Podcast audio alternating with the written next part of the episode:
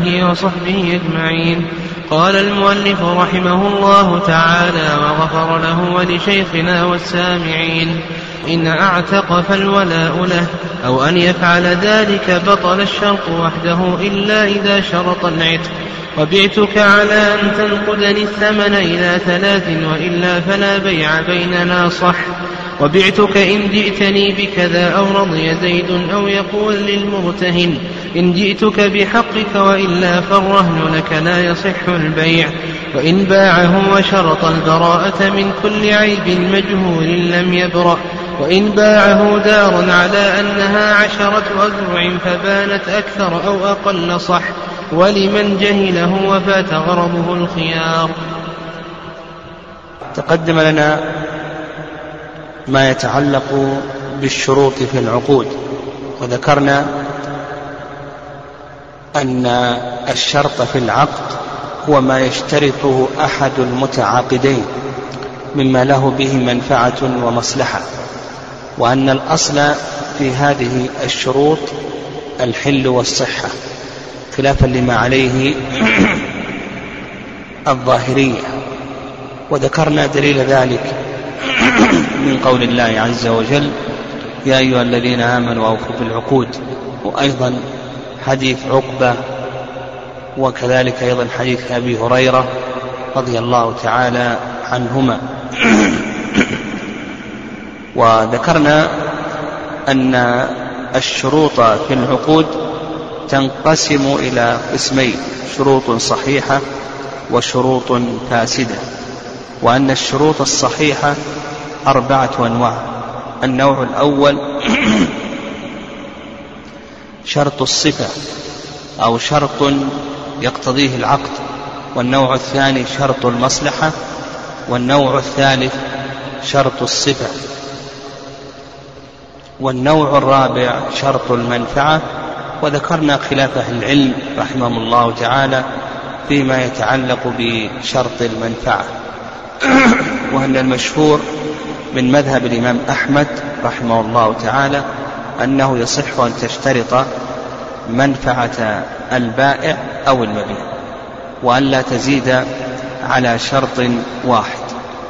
وذكرنا أيضا ما ذهب إليه ابن القيم رحمه الله تعالى ثم بعد ذلك شرعنا في الشروط الفاسدة وأن الشروط الفاسدة تنقسم إلى قسمين القسم الأول شروط فاسدة مفسدة والشرط الثاني شرط فاسد غير مفسد. والشروط الفاسدة المفسدة هي ما يتعلق باشتراط عقد في عقد آخر وكذلك أيضا ما يتعلق بتعليق العقود وتكلمنا على هاتين المسألتين. ثم قال المؤلف رحمه الله تعالى وإن شرط ألا خسارة عليه. هذه الشروط الفاسدة غير غير المفسدة تكلمنا عليه. قال أو متى نفق المبيع وإلا رده و ولا يهب ولا يهبه ولا يعتقه. أو إن أعتق فالولاء له. نعم. تكلمنا أيضا على هذه المسألة إذا شرط ألا يتصرف في المبيع. البائع شرط على المشتري ألا يتصرف المبيع أو حجر عليه بعض التصرفات في المبيع كان يشترط عليه ألا يبيعه أو ألا يهبه أو ألا يوقفه. ونحو ذلك من الشروط. فذكرنا كلام أهل العلم رحمهم الله في هذه المسألة وأن الصواب في هذه المسألة أن مثل هذه الشروط تجوز عند المصلحة. وأن هذا اختيار شيخ الإسلام تيمية رحمه الله لورود ذلك عن الصحابة رضي الله تعالى عنهم ولأن هذا الشخص لأن هذا الشرط يترتب عليه غرض صحيح. هذا الشرط يترتب عليه غرض صحيح.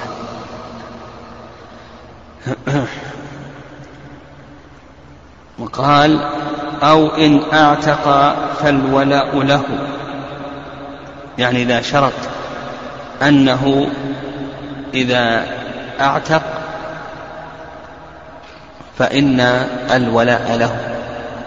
يعني يبيع عليه الرقيق ويشترط عليه أنه إذا أعتق فإن الولاء يكون للبائع ولا يكون المشتري فهذا شرط فاسد. ويدل لذلك حديث عائشة رضي الله تعالى عنها لما جاءتها بريرة وذكرت أنها كاتبت أسيادها.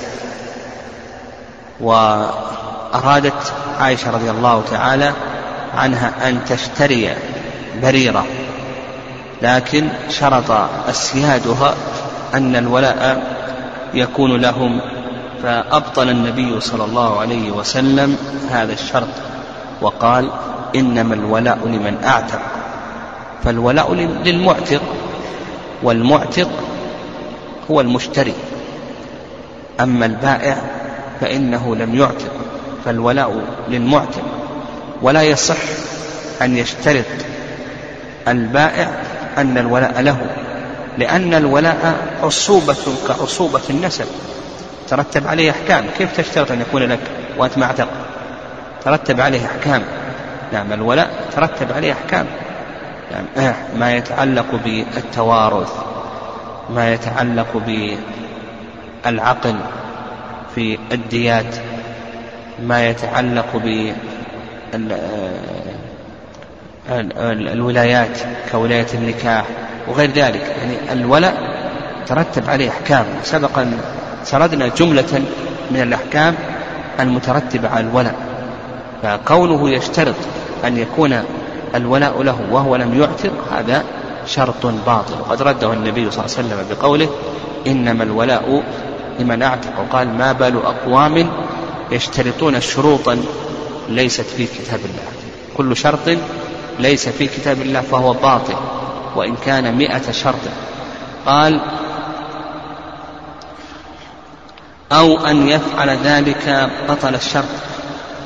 نعم. أيضا إذا شرط أن يفعل ذلك يعني شرط عليه أن يبيعه قال نبيعك السيارة بشرط أن تبيعها لفلان أو أبيعك الرقيق بشرط أن تعتقه أو أبيعك البيت بشرط أن تهبه أو أن تهب تبيعه نحو ذلك. فنقول بأن هذا شرط فاسد. لماذا؟ لأن المشتري لما ملك هذه السلعة ملك سائر التصرفات. أما أن تحجر عليه بأن لا يبيع أو أن يبيع فهذه كلها شروط تخالف مقتضى العقد. نعم تخالف ما يقتضيه العقد. وسبق أن ذكرنا أنه إذا كان يترتب على هذا الشرط مصلحة فإن هذا جائز ولا بأس به. كما تقدم اختيار شيخ الإسلام تيمية رحمه الله إذا كان يترتب عليه مصلحة فنقول بأن هذا شرط صحيح لأنه يترتب عليه غرض صحيح. فمثلا لو قال أنا أبيعك البيت لكن إن احتاجها المسجد تبيعها على المسجد. هذا شرط صحيح. هذا شرط صحيح. أو أنا أبيعك البيت لكن إن احتاجها جار البيت فهو أنا أبيعك الأرض مثلا أو إن احتاجها جار الأرض فإنك تعطيها أو تبيعها إياه. فنقول بأن هذا هذا نقول بأنه شرط صحيح ما دام أنه يترتب عليه مصلحة وغرض صحيح. قال بطل الشرط وحده. نعم. قال إلا إذا شرط العتق. إلا إذا شرط العتق. فيقول لك المؤلف رحمه الله يصح. إذا شرط العتق يصح. مثلا لو قال بعتك هذا الرقيق بشرط أن تعتقه. بعتك هذا الرقيق بشرط أن تعتقه. فيقول لك المؤلف رحمه الله بأن هذا شرط صحيح. ويدل لذلك نعم يدل لذلك أن الشارع يتشوف إلى العتق. نعم الشارع يتشوف إلى العتق. وتقدم لنا أن من ملك ذا رحم محرم عليه فإنه يعتق عليه. يعتق عليه. إذا ملك ذا رحم محرم عليه فإنه يعتق عليه. ولهذا إذا تأملت أسباب العتق في الشريعة تجد أنها كثيرة. فمن أسباب العتق الكفارات. كفارة اليمين كفارة الظهار كفارة الوطء في رمضان كفارة القتل. كذلك أيضا من أسباب العتق أنه إذا مثل برقيقه فإنه يعتق عليه. كذلك أيضا من أسباب العتق الترغيب في العتق وبيان فضله. وكذلك أيضا من ملك ذا رحم محرم إلى آخره. بل الكتابة يعني عند كثير من أهل العلم إذا طلبها الرقيق طلب الرقيق من سيده أن يكاتبه فكثير من أهل العلم يرى أن الكتابة واجبة وأنه يجب عليه أن يكاتبه لقول الله عز وجل فكاتبوهم إن علمتم فيهم خيرا قال وبعتك على أن أن تنقدني الثمن إلى ثلاث وإلا فلا بيع بيننا صحة يعني لأن الأصل في الشروط الصحة. ولو قال بعتك على أن تحضر الثمن إلى مدة ثلاثة أيام. إن تأخرت عن ثلاثة أيام فلا بيع بيننا هذا شرط صحيح. نعم هذا شرط صحيح. ولا غبار عليه. قال وبعتك إن جئتني بكذا. أو إن رضي زيد. إن رضي زيد. يقول بعتك إن جئتني بكذا أو إن رضي زيد إلى آخره. هذا ما ي... هذا يسمى كما سبق لنا تعليق العقد. وسبق أن أشرنا إلى هذه المسألة وأن تعليق العقود للعلماء رحمهم الله في ذلك قولان القول الأول وهو رأي الجمهور أهل العلم أنه لا يصح تعليق العقود والرأي الثاني أن تعليق العقود صحيح وهو ما ذهب إليه شيخ الإسلام تيمية رحمه الله تعالى ابن القيم وهو رواية عن الإمام أحمد رحمه الله و نعم وهو رواية عن الإمام أحمد رحمه الله. وتقدم أن ذكرنا دليل ذلك. وعلى هذا على هذا إذا علق عقد البيع أو غيره من العقود نقول بأن هذا العقد صحيح. مثلا لو قال بعتك الأرض بشرط أن يرضى أبي أو إن رضي أبي فأنا بعتك الأرض. فنقول هذا صحيح. أو قال بعتك الأرض إذا دخل رمضان. نقول صحيح. سواء علقه على شرط محض كما لو قال إن دخل رمضان بعتك الأرض أو علقه على شرط غير محض كما لو قال بعتك الأرض إن رضي أبي. ونقول بأن هذا هذه كلها شروط صحيحة. قال ويقول الراهن للمرتهن إن جئتك بحقك وإلا فالرهن لك لا يصح البيع. هذه المسألة تسمى بغلق الرهن. نعم تسمى بغلق غلق الرهن. و ومنها قول النبي صلى الله عليه وسلم لا يغلق الرهن من صاحبه الذي رهن. له غنمه وعليه غرم. لا يغلق الرهن من صاحبه الذي رهنه. له غنمه وعليه غرم. يعني تسمى بغلق الرهن. وغلق الرهن كان موجودا في الجاهلية. كان موجودا في الجاهلية. صورة صورة غلق الرهن أن يأخذ منه رهنا صاحب الحق سواء كان الحق ثمن مبيع أو كان قرضا أو قيمة متلف أو غير ذلك. المهم صاحب الحق يأخذ ممن عليه الحق يأخذ منه ماذا؟ يأخذ منه رهنا فيقول إن جئتني بحقي وإلا فإن الرهن يكون لي. أو يقول يعني المرتهن الذي له الحق يقول للراهن الذي عليه الحق إن جئتني بحقي وإلا فالرهن لي. أو يقول الراهن الراهن يقول للمرتهن إن جئتك بحقك أقرضني مثلا عشرة آلاف ريال وهذه السيارة رهنا هذه السيارة رهن فإن جئتك بالعشرة في موعدها وإلا فالسيارة لك. هذا يسمى نعم يسمى بغلق الرهن فهل هذا صحيح أو ليس صحيحا؟ المؤلف رحمه الله تعالى يقول لك لا يصح. ويقول وبقول الراهن المرتهن إن جئتك بحقك وإلا فالرهن لك لا يصح البيع. هذا يرى المؤلف رحمه الله تعالى بأنه شرط فاسد مفسد. شرط فاسد مفسد. إن جئتك بحقك وإلا فالرهن لك. وهذا ما ذهب إليه المؤلف رحمه الله تعالى. يعني هذا ما ذهب إليه المؤلف رحمه الله ما رحمه الله تعالى. والرأي الثاني الرأي الثاني وهو رواية عن الإمام أحمد رحمه الله أن هذا جائز ولا بأس به. وقد ورد عن الإمام أحمد رحمه الله أنه أخذ حوائج من بقال ورهنه عليه فقال إن جئتك بحقك وإلا فالنعلان لك. إن جئتك بحقك وإلا فالنعلان لك.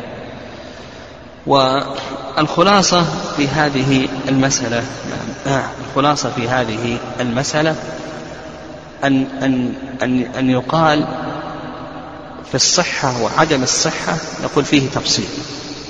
نقول فيه تفصيل. يعني هل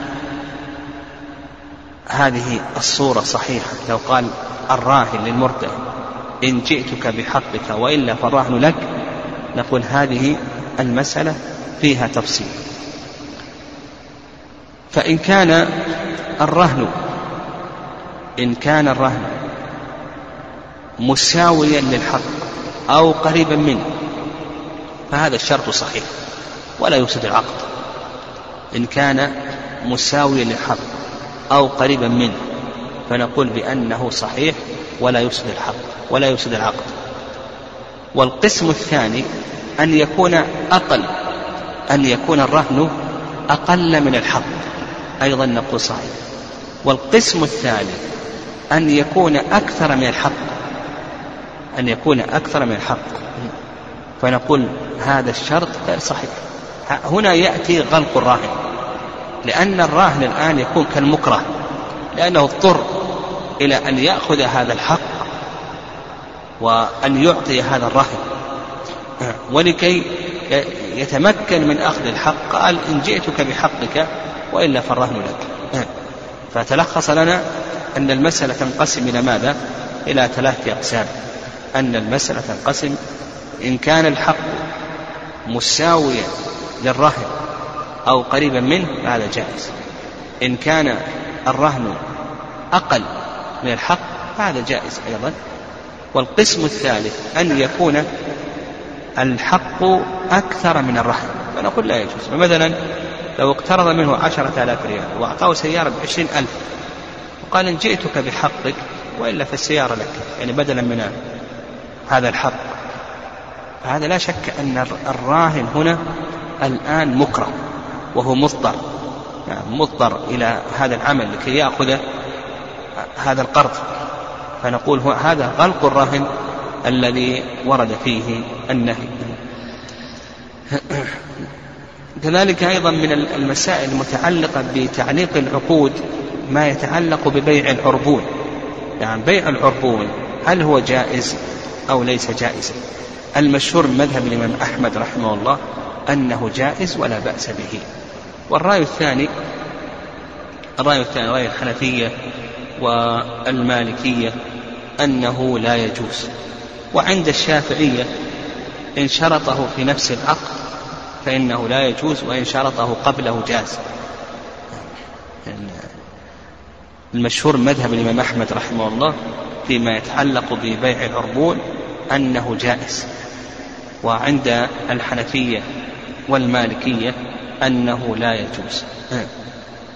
وعند الشافعية إن شرطه قبل العقد فيجوز وإن شرطه في نفس العقد يقولون بأنه جائز.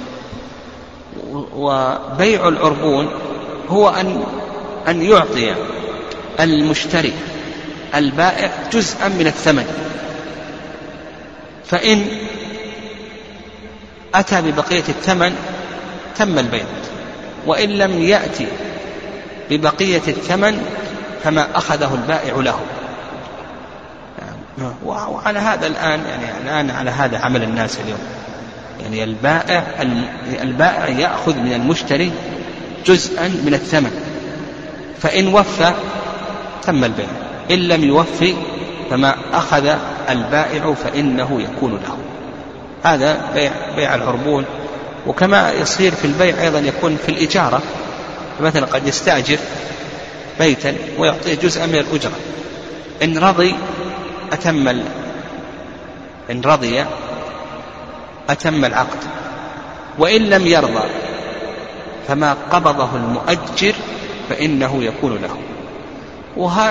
وبيع العربون هذا ورد فيه حديثان. كلاهما ضعيف. حديث عبد الله بن عمر رضي الله تعالى عنهما أن النبي صلى الله عليه وسلم نهى عن بيع العربون وكذلك أيضا حديث زيد بن أسلم أن النبي صلى الله عليه وسلم سئل عن بيع العربون فأحله لكن الثابت هو عن عمر رضي الله تعالى عنه كما أخرجه البخاري معلقا. أن عمر رضي الله تعالى عنه اشترى من صفوان دارا للسجن بمكة بأربع بأربعة آلاف. نعم بأربعة آلاف. فإن رضي عمر وإلا فالأربعمائة لصفوان. يعني عمر رضي الله تعالى عنه اشترى من صفوان بن أمية دارا للسجن بمكة بأربعة آلاف. ودفع لصفوان أربعمائة أربعمائة. فإن رضي عمر وإلا فالأربعمائة لصفوان. ولأن الأصل نعم الأصل في العقود الصحة والحلم. ولأن هذا العربون يعتبر كالجبر لهذا المبيع. لأن هذا المبيع يعني هذا المبيع أولا ينحبس عند المشتري فترة فلا يتمكن البائع من بيعه. وثانيا أن البائع إذا رده ولم يمضي العقد يعتبر هذا كالنقص في المبيع. فيكون هذا العربون جبرا لما حصل على هذا المبيع. ونظير ذلك ما سيأتينا إن شاء الله في آخر باب الخيار فيما يتعلق بالإقالة. قال المؤلف رحمه الله وإن باعه وشرط البراءة من كل عيب مجهول. شرط البراءة من كل عيب مجهول قال لك لم يبرأ إذا باعه وشرط البراءة من كل عيب مجهول. باعه السيارة قال بيعك السيارة بشرط أن تبرئني من جميع العيوب. ومن صور ذلك ما يفعله بعض الناس. يقول أنا بعت السيارة على أنها كومة حديد. يعني, يعني ما طالبا بالعيوب التي فيها. أو أبيعك البيت على أنها مجموعة من الإسمنت ما لا تطالب لا تطالبني بشيء من العيوب. أو أنا أبيعك إطار السيارة. أنا أبيعك إطار السيارة. وغير ذلك مما يوجد عند الباعة. يعني من الصور التي خلاصتها هي البراءة من العيوب. نعم من العيوب. هل البائع يبرأ أو نقول بأنه لا يبرأ؟ إذا قال نبعتك لكن إن كان فيها عيب ترى أنا بريء منه ما ترجع علي بشيء. أو كما ذكرنا في الصور أبيعك السيارة على أنها حديد أو البيت على أنه إسمنت أو طين أو نحو ذلك من هذه الصور التي خلاصتها أنه يشترط البراءة من العيوب. فهل يبرأ البائع أو نقول بأنه لا يبرأ قال لك المؤلف رحمه الله إن باعه وشرط البراءة من كل عيب مجهول قال لك لم يبرأ. نعم لم يبرأ. لماذا؟ لأن البراءة إسقاط. يعني لو أن المشتري الآن بعد أن اشترى السيارة وجد فيها عيبا. نعم وجد فيها عيبا. فهل يرجع البائع ولا ما يرجع البائع؟ يقولون يرجع البائع. ما هي علتهم في ذلك؟ أن البائع لا يبرأ. علتهم في ذلك يقولون بأن شرط البراءة إسقاط. إسقاط حق. وهذا الإسقاط فرع عن ماذا؟ عن ثبوت الحق ولا يثبت الحق إلا بالعقد.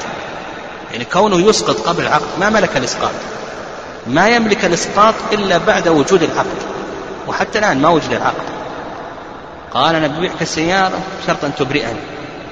فقال برأتك من العيوب فيها هنا الآن أسقط حقه لكن هل يملك الإسقاط الآن؟ قالوا بأن الإسقاط فرع عن ملك الإسقاط ولا يملك الإسقاط إلا بالعقد.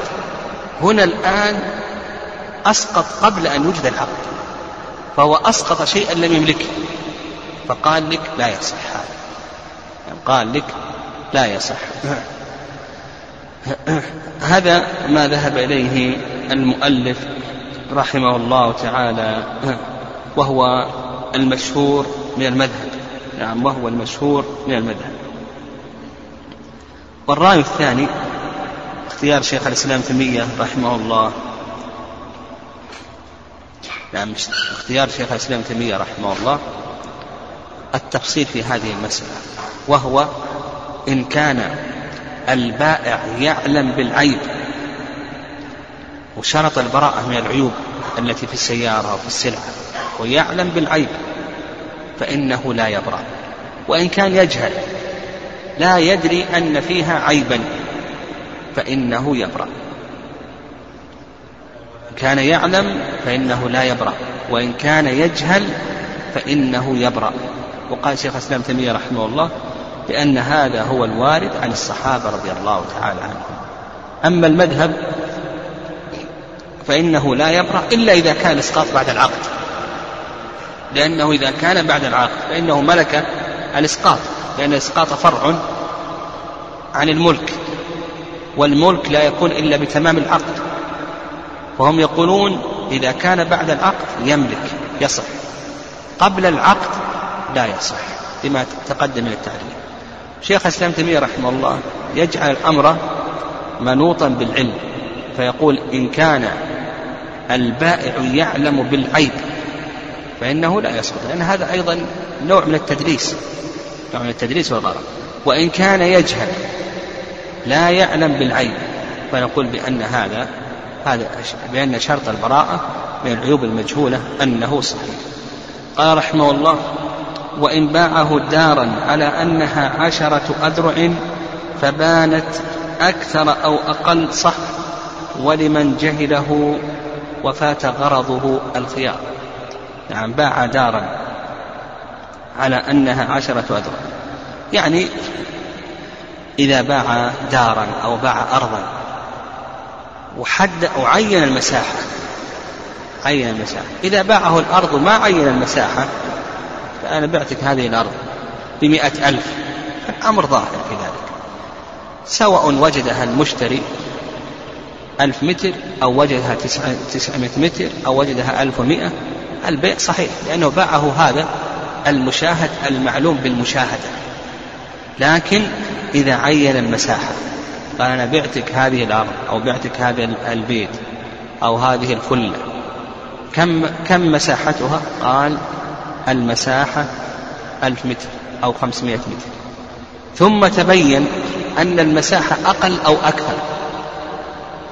فهنا صورتان الصورة الأولى نعم الصورة الأولى قال على أنها عشرة أذرع فبانت أكثر. بعتك الأرض كم مساحته قال مساحة ألف. تبين أن الأرض مساحتها كم؟ ألف ومية ألف ومية الآن الزيادة تكون لمن؟ ها؟ للبائع. لأنه لأن البائع ما باع إلا ألف. الزيادة تكون للبائع. والمشتري يكون له ألف. المشتري يكون له فنقول الزيادة تكون للبائع.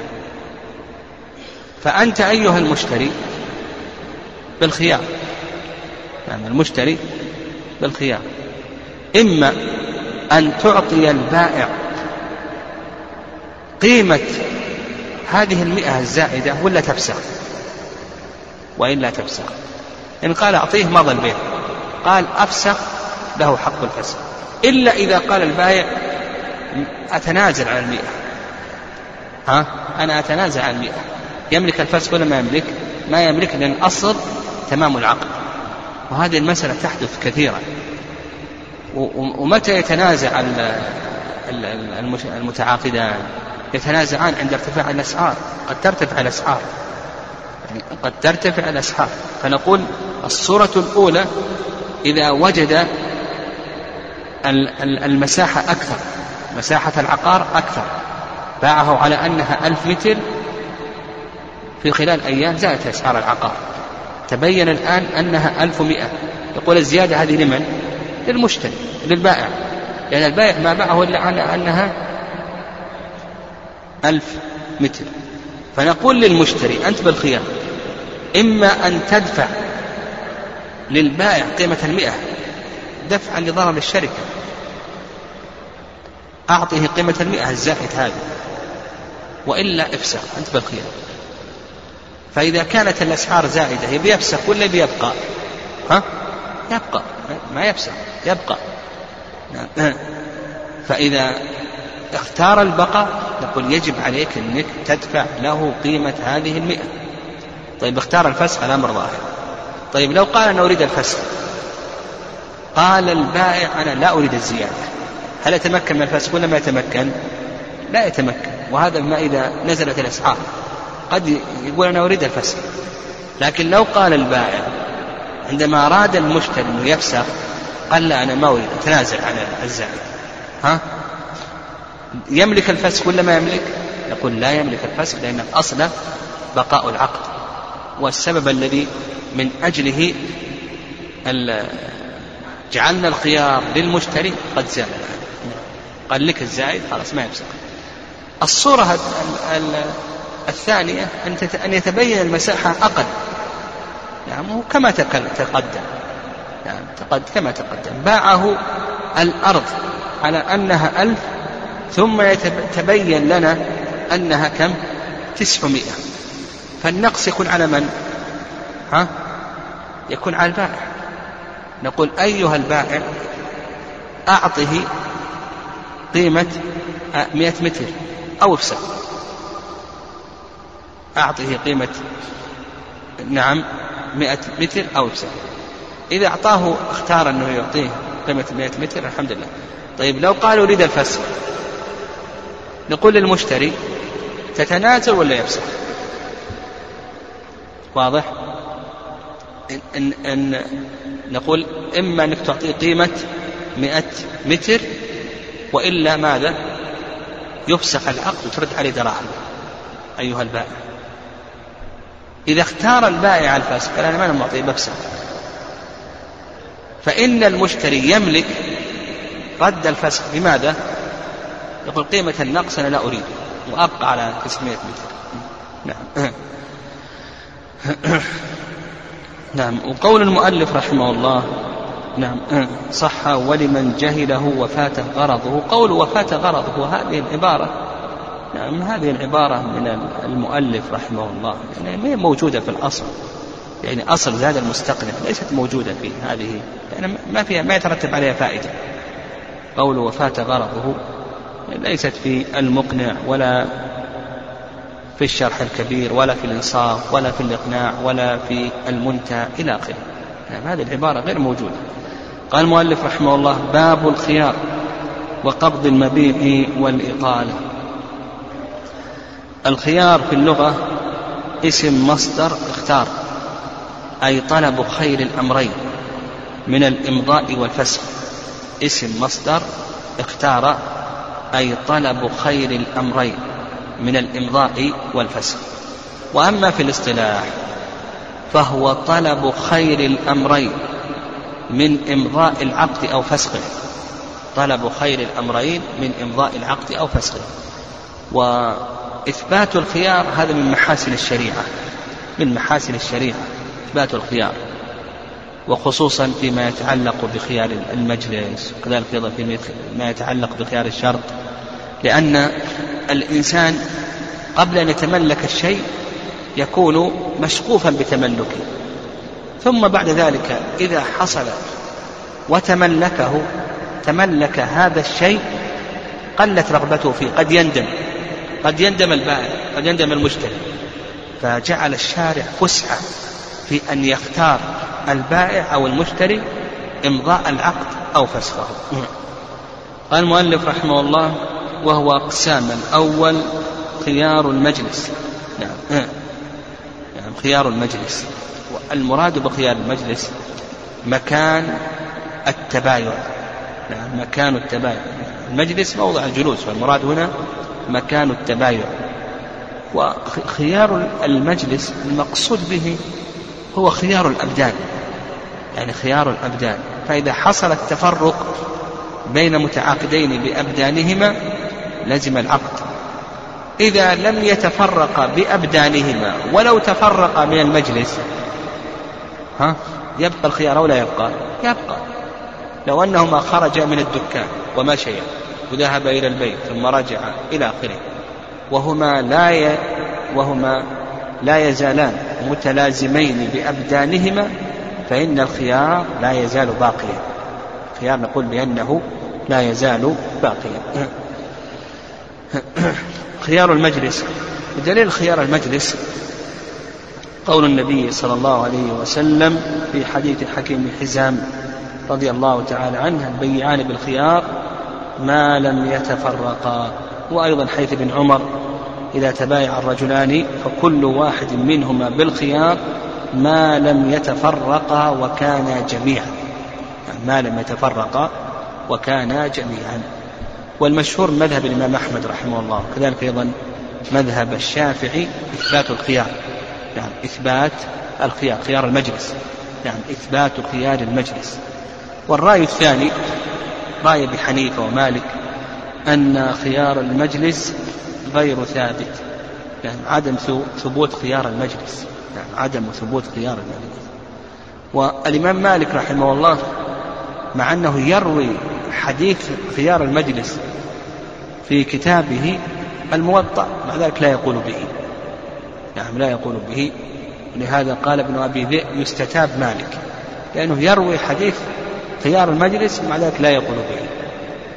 نعم وهذا يدلك على أن الإنسان مهما بلغ من العلم والإمامة والجلالة أنه ليس معصوما.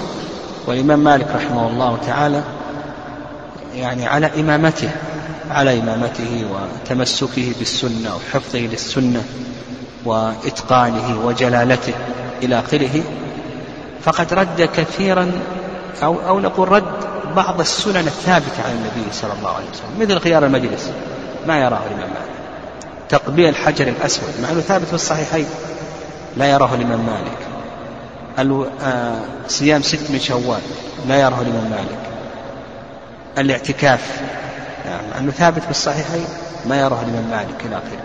لكن يعني كثير من المسائل الثابتة عن النبي صلى الله عليه وسلم مع ذلك ما يراها الإمام مالك رحمه الله. قال المؤلف يثبت في البيع ما ما هي العقود التي يثبت بها خيار المجلس والعقود التي لا يثبت بها خيار المجلس؟ نقول خيار المجلس يعني الضابط في ذلك خيار المجلس يثبت في البيع وما كان في مع البيع مما فيه المبادلة. نقول يثبت في البيع وما كان في معنى البيع. ما عدا ذلك من العقود نقول لا يثبت فيها خيار المجلس. فنقول يثبت في البيع لقول النبي صلى الله عليه وسلم إذا تبايع الرجلان وما في معنى البيع كما تقدم قال والصلح بمعناه. الصلح كما سيأتينا إن شاء الله. الصلح ينقسم إلى قسمين صلح إقرار وصلح إنكار. صلح الإقرار بمعنى البيع يعني يأخذ أحكام البيع. أنت جاء شخص ودع على شخص قال أنا أدعي أن أني أريد منه ألف ريال. قال نعم أنا أقر تريد مني ألف ريال لكن ما معي ألف ريال. أبعطيك هالكتاب يعني. الكتب هذه بدل ألف ريال. ها؟ وتصالح على أنه هذا يأخذ الكتب هذه مقابل ألف ريال. هذا وش يسمى الصلح هذا؟ ها؟ صلح إقرار هذا في معنى البيع. تثبت فيه أحكام البيع لأنه مبادلة. هنا بادل الدراهم بالكتاب أو بالسيارة. هنا فصاد كما تقدم أن البيع مبادلة مال بمال فيثبت. لو أن صاحب الألف قال لا أنا أريد ألفين في خيار المجلس. يملك ذلك ولا ما يملك ذلك؟ ها؟ يقول بأنه يملك ذلك. نعم. فخيار المجلس يثبت في البيع قال لك والصلح بمعنى الإجارة. قال وإجارة. لماذا؟ لأن الإجارة بيع منافع. فلو أجره في نفس المجلس قال فسخ. صح ذلك. لأن الإجارة بيع منافع. والصرف الصرف مبادلة نقد بنقد. يثبت فيه خيار المجلس أعطاه ذهب وأخذ فضة أو أعطاه ريالات وأخذ ريالات أو أخذ دولارات إلى آخره. مبادلة نقد بنقد. هذا بيع. قال والسلم. السلم نوع من البيع. تقديم الثمن وتأخير المثمن. يعطيه ألف ريال على أنه يعطيه بعد شهر أو شهرين ألف قلم صفته كذا وكذا أو ألف ثوب صفته كذا وكذا مما ينضبط بالوصف. هذا السلم فنقول يثبت به ماذا؟ خيار المجلس. هذه كلها بيع. كلها البيع. ما فيه المبادلة. البيع وما في معناه. لأن النبي صلى الله عليه وسلم قال إذا تبايع فدل على أنه يثبت في البيع وما كان في معنى البيع. قال دون سائر العقود. أما بقية العقود التي ليست بيعا ولا في معنى البيع ما يثبت فيها. نعم. مثل الحوالة ليست بيع ولا في معنى البيع. الوقف الرهن الضمان الكفالة. عقد النكاح آه، يعني بعض العقود لا يثبت فيها يعني نقول بقية العقود لا يثبت فيها خيار المجلس لأنها لا تخلو من أمرين إما أن تكون ليست بيعا ولا في معنى البيع أو أنها تكون من العقود الجائزة. ما في حاجة نثبت فيها خيار المجلس لأن عقد جائز تفسخ في خيار المجلس وتفسخ بعده. يعني تفسخ في خيار العقد تفسخ بعده. يعني إما أن تكون عقدا لازما لكنها ليست بيعا ولا في معنى البيع. وإما أن تكون عقدا جائزا تفسخ حتى بعد المجلس. يعني حتى بعد المجلس. فكما ذكرنا الوقف. الوقف عقد لازم لكنه ليس بيع ولا في معنى البيع. الهبة عقد لازم لكنه ليس بيعا ولا في معنى البيع. ال ال ال الرهن عقد لازم من أحد الطرفين. الضمان الحوالة هذه كلها ليست بيعا ولا في معنى البيع. أيضا هناك عقود لازمة عقود جائزة مثل الشركة مثل الوكالة إلى آخره. الشركة الوكالة المساقات والمزارعة المذهب هذه ما في حاجة نثبت فيها خيار المجلس. يعني بإمكانك أنك تفسخ حتى بعد بعد خيار المجلس. لكن الصحيح أن المساقات والمزارعة أنها عقود لازمة كما سيأتينا وهي شبيهة بعقد الإجارة. فنقول الصحيح في ذلك أنه يثبت فيها خيار المجلس. يعني المساقات. أما بقية العقود ما يثبت فيها. كما قلنا الوقف والهبة والضمان والكفالة. والشركة هذه عقد جائز والوكالة والجعالة يرون أنها عقد جائز والمسابقات يرون أنها من العقود الجائزة إلى آخره فلا يثبت في هذه الأشياء. القرض لا يثبت فيه خيار المجلس لأنه من العقود اللازمة وليست بيعا ولا في معنى البيع. قال ولكل من المتبايعين الخيار ما لم يتفرقا عرفا بأبدانهما. يعني المرجع في التفرق إذا تفرقا لزم العقد. أما إذا لم يتفرقا فإن حق الفسخ لا يزال باقيا لكل واحد منهما. ولو طال. لو فرضنا أنهما في سجن. سجنا في هذه الغرفة فتبايعا نقول بأن الحق لا يزال باقيا لكل واحد منهما ولو طال بقاؤهما في هذه الحجر. فإذا تفرق مرجع التفرق إلى العرف. نعم التفرق هذا مرجع إلى العرف. فمثلا إذا خرج من الدكان إذا قام خرج من المحل في الصحراء إذا ابتعد إلى آخره. وسيأتينا إن شاء الله ما يتعلق فيما إذا حصلت حصل البيع عن طريق وسائل الاتصال الموجودة مثل الهاتف مثل الكتابات مثل هذه. يأتينا إن شاء الله. متى يحصل التفرق ومتى لا يحصل التفرق؟ الضابط المهم الضابط هنا عندنا أن التفرق مرجعه إلى العرف. فإذا دل العرف على أنهما تفرقا بأبدانهما فإن العقد يكون لازما. أما إذا لم يتفرقا بأبدانهما العرف فإنه نعم فإنه لا يزال الحق باقي قال وإن نفياه أو أسقطاه سقط لأن الحق لهما إذا نفيا خيار المجلس. قال نتبايع بلا خيار. أو أسقطاه يعني نفياه قبل العقد. أو أسقطاه بعد العقد. بعد أن تم العقد أسقطاه. طيب وش الفائدة من إسقاطه؟ ها؟ لكي يلزم. طيب لماذا يلزم؟ لأنه قد يريد أن يتصرف. كما سيأتينا لو باعه السيارة ما يملك أنه يبيعه وهو في خيار المجلس حتى يلزم العقد. وما دام أنه أنهما لم يتفرقا فإن العقد لا يكون لازما. فلو قال نسقط الخيار لكي يتصرف لكي يملك يهب يوقف يبيع. ما دام أنهما في خيار المجلس ما يملك أن يتصرف فلا بد ولهذا قال لك المؤلف أو أسقطه سقط يعني أسقطه بعد العقد. إذا نفياه قبل العقد أسقطاه بعد العقد. قال وإن أسقطه أحدهما بقي خيار الآخر. إذا أسقطه أحدهما يعني أحدهما أسقط الخيار. نقول يبقى حق الآخر لأن لأن الحق له وقد أسقطه قال وإذا مضت مدته لزم البيع. نعم. إذا أسقط إذا مضت مدته بأن تفرق بأن تفرق بأبدانهما عرفا نقول بأن البيع يكون لازما يقول هل من ربا النسيئة تأجيل بقية المبلغ كامل عند الشراء؟ هل من ربا النسيئة تأجيل بقية المبلغ؟ لا هذا ليس من ربا النسيئة إلا فيما يشترط فيه التقابض.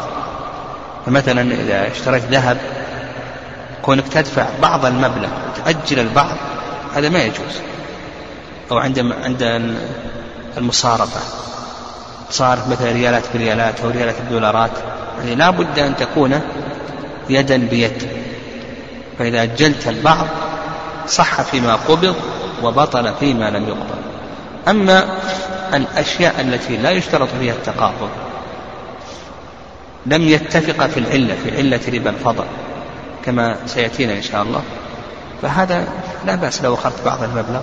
يعني مثلا اشتريت أثوار أو أطعمة ودفعت جزءا من المبلغ والجزء الآخر أجلته هذا جائز ولا بأس به.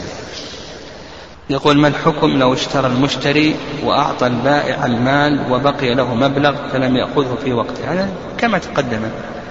إذا كان إذا كان العوضان يشترط بينهما التقابض فإنه لا يجوز أن يؤجل شيء من المبلغ كما لو اشترى ذهبا أو اشترى فضة أو صرف آه، مال مالا بمال يعني نقدا بنقد.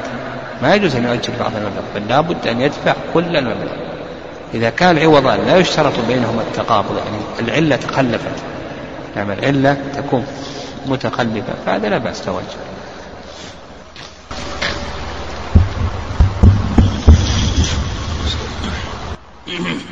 يقول السائل حكم صلاة المرأة وهي كاشفة لقدميها تقدم الكلام عليه. وذكر أن شيخ الإسلام تيمية رحمه الله يختار أنه جائز ولا بأس. والمشهور من المذهب أنه يجب أن تغطي قدميها وذكرنا فيما تقدم حديث أم سلمة رضي الله تعالى عنها وأنه ضعيف. يعني في ستر القدمين إذا كان سابقا يغطي ظهور قدميها أنه ضعيف. وعلى هذا إذا صلت المرأة وانكشف قدماها فصلاتها صحيحة.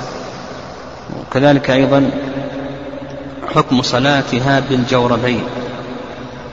نعم يعني على المشهور من المذهب لو لبست ثوبها يعني هم يقولون يجب أن تغطي كل بدنها إلا الوجه.